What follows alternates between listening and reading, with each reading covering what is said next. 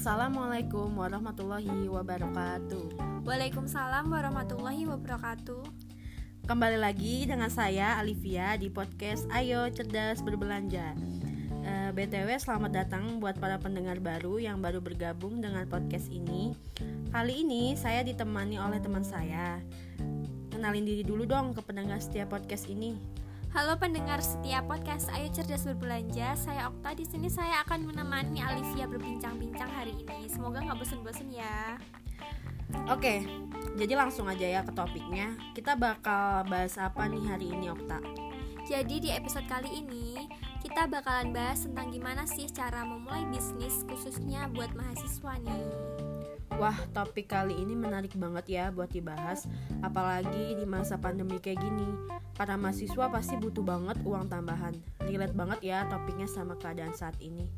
Selain buat nambah uang jajan, juga bisa dijadiin pengalaman loh supaya setelah lulus nanti kita nggak kaget sama dunia kerja. Bener banget tuh. Nah, terus gimana sih cara memulai bisnis, khususnya bisnis online untuk pemula? Yang pertama itu adalah riset produk. Jadi buat kalian yang mau buka bisnis, lakuin riset sederhana. Jadi produk apa sih yang kira-kira bakal dibutuhin pasar, terus jadi jual produk yang sekiranya akan diminati oleh calon konsumen. Oh jadi kayak misal sekarang ini ya Kan lagi zaman banget tuh tali masker Nah itu divariasiin jadi bisa two in one jadi bisa dipakai sebagai pengait sama bisa juga dijadiin kalung masker. Iya sekarang kan lagi in banget dia tali masker ini. Apalagi sekarang tuh lagi corona Otomatis penggunaan masker itu juga meningkat. Tapi sayangnya masker buat berhijab ini produksinya terbatas Terbatas banget. Makanya kita butuh tali masker buat ngaitin masker Bener banget, mungkin ini juga bisa jadi inspirasi bisnis buat para pendengar setiap podcast Ayo Cerdas Berbelanja. Jadi yang kedua itu apa? Yang kedua adalah riset kompetitor bisnis online. Hal ini penting dilakukan supaya tahu gimana sih tingkat persaingan di market buat produk yang akan kita jual. Oh, jadi kita kayak ngamatin gimana sih cara mereka menjual produk dengan e-commerce, terus sama forum-forum Terus bisa juga bisa ngeliat tren di sosmed gitu bukan sih?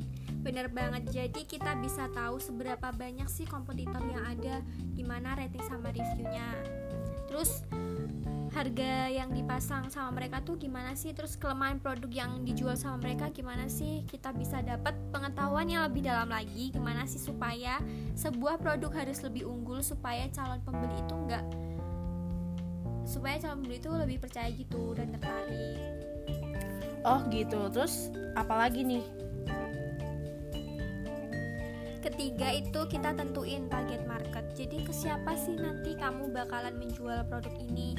Ke anak-anak ibu-ibu atau mahasiswa? Mungkin kalau kita itu lebih ke mahasiswa kali ya. Soal contohnya tuh kayak produk baju hijab terus bisa juga buat cewek-cewek ini. Skincare ya banyak lah pokoknya Iya bener banget sih. Kayak baju-baju juga kan kalau ke mahasiswa itu kan lebih ke yang tentang outfit atau tampilan-tampilan. Terus apalagi nih Okta? Terus selanjutnya kita pilih platform jualan yang tepat. Platform kan banyak ya kayak Instagram, Whatsapp atau pakai e-commerce juga bisa kayak Shopee dan Tokopedia gitu. Kalau menurutku sih aku kalau menurutku kita pilih platform yang banyak dipakai ya dan mudah juga penggunaannya gitu. Iya setuju banget sih. Kayak aku lebih prefer pakai Shopee. Karena tampilannya simple Terus cara check outnya check out barang dan pembayarannya friendly. Jadi buat yang nggak punya rekening kan juga masih bisa bayar lewat Indomaret Atau bisa juga isi Shopee Pay Iya aku setuju juga. Aku juga lebih prefer pakai Shopee sih. Apalagi kalau bayar pakai Shopee Pay itu kita bisa dapetin voucher gratis ongkir juga. Iya bener banget. Oke, terus lanjut gimana nih? Kalau udah, kalau udah ada produknya itu kita foto ya. Jadi fotonya itu dibikin yang menarik pembeli gitu. Ya dikasih dekor kayak atau dikasih hiasan gitu. Iya aku setuju banget sih karena foto itu bisa menarik konsumen untuk kayak uh, gimana sih ngelihat barang kita tuh jadi bisa menarik konsumen soalnya uh, foto itu sangat mempengaruhi banget sih dan jangan lupa juga ya fotonya itu di tempat yang jelas dan terang. Nah bener, kalau kalau udah fotonya beres itu kita waktu balas chat dari pembeli itu harus fast response ya. Kalau balas chat pembeli itu lama, jadi pembeli itu males gitu buat beli. Pokoknya kita kasih pelayanan yang terbaik lah. Kita harus ramah juga ya. Bener banget sih. Kalau pembeli nunggu balesan chat lama tuh bakalan males banget. Mending cari toko lain aja. Kalau aku sih gitu biasanya. Nah, terus kita pahamin strategi digital marketing. Digital marketing ini bisa kayak paid ads. Paid ads ini iklan berbayar gitu, semacam endorse ke selebgram atau pasang iklan. Biasanya kalau pasang iklan ini aku biasa temuin itu di Instagram, terus di uh, YouTube itu juga ada gitu. Terus kalau menurutku cara itu efektif banget ya buat promosi sama ningkatin penjualan produk. Terus juga terus kita juga harus manajemen waktu mengatur waktu antara jualan online dan kuliah. Iya bener banget. Apalagi kadang tuh ya tugas banyak tapi ya kita juga harus pinter-pinter nih ngatur waktu terus kalau udah keasikan jualan online jangan tinggalin kuliahnya juga. Terus ada nggak sih uh, ide jualan online yang modalnya kecil buat mahasiswa? Ada dong. Yang pertama itu dropshipper. Dropshipper ini nggak ada modal malahan. Terus nggak perlu nyetok barang juga. Jadi cari aja nih supplier yang menyediakan sistem dropship. Jadi misal toko A ya buka supplier yang menyediakan sistem dropship terus kita nanti jualin produk toko A kita cuma perlu jualin sama nerima pembayaran aja buat buat nyediain barang sama pengiriman pengiriman barang itu ke konsumen biasanya akan diurus supplier atau ke toko A. Nah, kalau bisa cari yang bisa diganti nama pengirimnya jadi toko kita gitu. Wah, dropshipper ini mudah ya. Kita tinggal promosi, entar yang ngurus itu suppliernya. Selanjutnya adalah reseller. Kalau reseller ini kita jadi reseller yang di yang ditawarin oleh supplier. Jadi kita beli barang dan nyetok barang terus dijual kembali dengan harga yang lebih tinggi. Kalau dropshipper nyaris nggak ada modal dan nggak perlu stok. Di sistem ini kita beli dulu barang dalam jumlah besar sehingga harga harga yang kita dapat tuh bakalan lebih murah gitu. Jadi bisa kita jual kembali dengan harga yang lebih tinggi gitu jadi hampir sama aja ya kayak dropshipper bedanya ini stok barang dulu gitu ya? Bener banget. Buat hmm, kira-kira buat mahasiswa yang punya pengetahuan luas dan skill mengajar bisa banget jadi tutor online ya nggak sih? Iya, apalagi kan di zaman sekarang ini kan udah berkembang banget ya ada uh, les online gitu-gitu. Kita sebagai mahasiswa yang pengetahuannya sekiranya luas dan punya skill ngajar itu bisa banget untuk kembangin ini jadi ladang bisnis ya buat uh, menghasilkan uang gitu. Iya bener banget. Apalagi kita kan kita tuh jurusan fakultasnya pendidikan ya sebisa mungkin kita memanfaatkan pengetahuan kita tentang pendidikan itu apalagi PPKN ya bantu-bantu anak SD SMP masih bisa kan ya? Bener banget ya. Biasanya itu kita juga uh, lewat online itu kan juga banyak ya peminatnya. Jadi lebih luas gitu loh pasarnya gitu. Iya lebih bisa dijangkau banyak orang juga gak sih Iya jadi kayak kalau biasanya kan kalau offline tuh hanya terbatas ke tetangga sekitar gitu. Kalau tutor online kan bisa lebih luas gitu jangkauannya. Jadi lebih banyak pelanggan dan lebih banyak uang yang dihasilkan. Betul banget. Yang penting kita pintar-pintar aja sih bisa mempromosikan uh, jasa kita kayak kita uh, minta tolong teman-teman buat ngasih tahu bahwasanya kita bisa kita buka tutor online jadi siapa tahu teman-teman yang lain juga bisa bantu buat ngepromosiin diri kita. Nah bener banget, selain tutor online kita juga bisa jadi penerjemah online. Buat kalian nih mahasiswa yang punya skill bahasa asing yang bagus Ini bagus banget dijadiin ladang bisnis ya.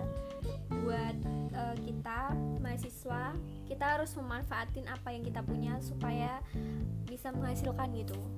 Iya bener banget gak sih? Kayak bahasa asing tuh kayaknya sekarang udah bener-bener yang penting banget buat masuk kerja pun itu juga ditanyain kan. Jadi buat teman-teman semua mungkin dari sekarang juga bisa mulai ngasah bahasa asingnya biar nanti juga ke depannya juga bisa dimanfaatkan lagi buat menjadi luang eh, apa mengisi waktu luang bisa dapetin uang juga dari situ. Kan lumayan kan buat jajan. Iya biasanya kalau penerjemah online kan buat nerjemahin jurnal jurnal internasional gitu. Biasanya kan jurnal itu bahasanya itu kayak bukan bahasa sehari-hari kayak bahasa ilmiah gitu loh. Jadi lebih lebih dibutuhin gitu buat nerjemahin jurnal internasional gitu.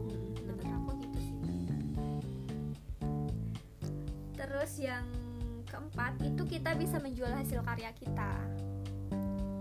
Jadi kita mungkin bisa nyiptain produk kita sendiri gitu. Mungkin kita punya inspirasi mau buat baju model kayak gini misal baju model A terus buat lagi yang lain produk apa gitu pokoknya yang sesuai dengan kemauan kita produk sesuai sesuai uh, desain kita gitu.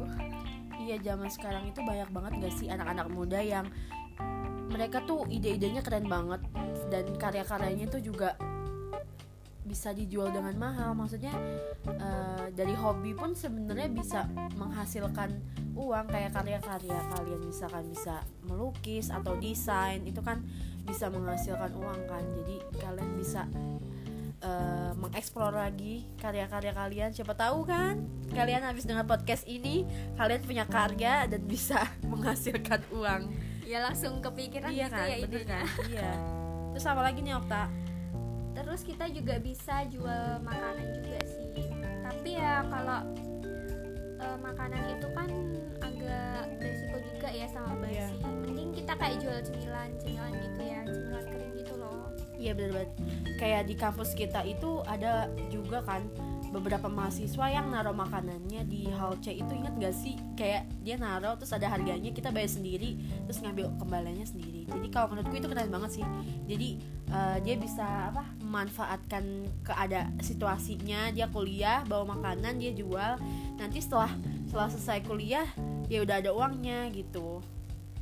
Bener banget. Terus kalau e, mahasiswa perempuan itu biasanya kan kayak tertarik ke skincare gitu kan? Iya. Nah, itu bisa banget dijadiin karena sekarang itu lagi zaman banget eh, orang-orang tuh lagi jualin masker-masker gitu loh, masker eh, masker organik gitu ya. Itu bagus banget buat dijadiin bisnis online buat kita nih mahasiswa gitu. Iya, dan eh, sebenarnya masker wajah pun nggak cuma dipakai buat cewek aja, cowok pun sekarang udah banyak yang gunain. Jadi eh, gimana cara kita juga promosiin sih bisa lewat eh, WhatsApp, Instagram, ataupun di Twitter. Jadi ruang lingkupnya nggak cuma teman kuliah aja, siapa tahu nanti teman kuliah kita ngeliat dia juga bisa bantu promosiin ke teman-teman lainnya. Bener banget bisa minta tolong gitu ya ke temennya buat Iya, bener. promosiin. Nah, terus kita lanjut lagi. Kita bisa juga eh,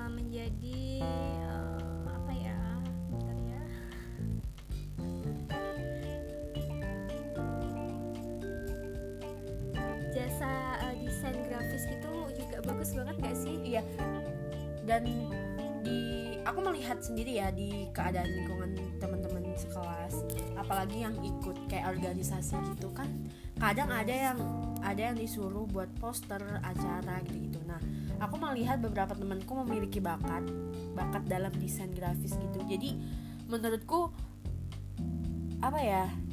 Itu sangat sangat dapat dijadikan ladang uang sih karena zaman sekarang desain grafis apalagi online kan event semua event-event gitu kan online kan.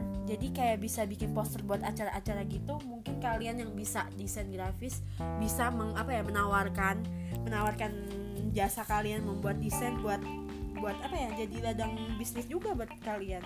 Ya apalagi kan sekarang kayak udah industrinya tuh kayak udah teknologi banget Iya. ya. Semua tuh nah, pokoknya udah pakai desain grafis semua kali ya. Dan menurut aku itu juga bisa dipertimbangin buat usaha. Bener banget. Buat kembangin skill juga Iya. juga bagus banget loh.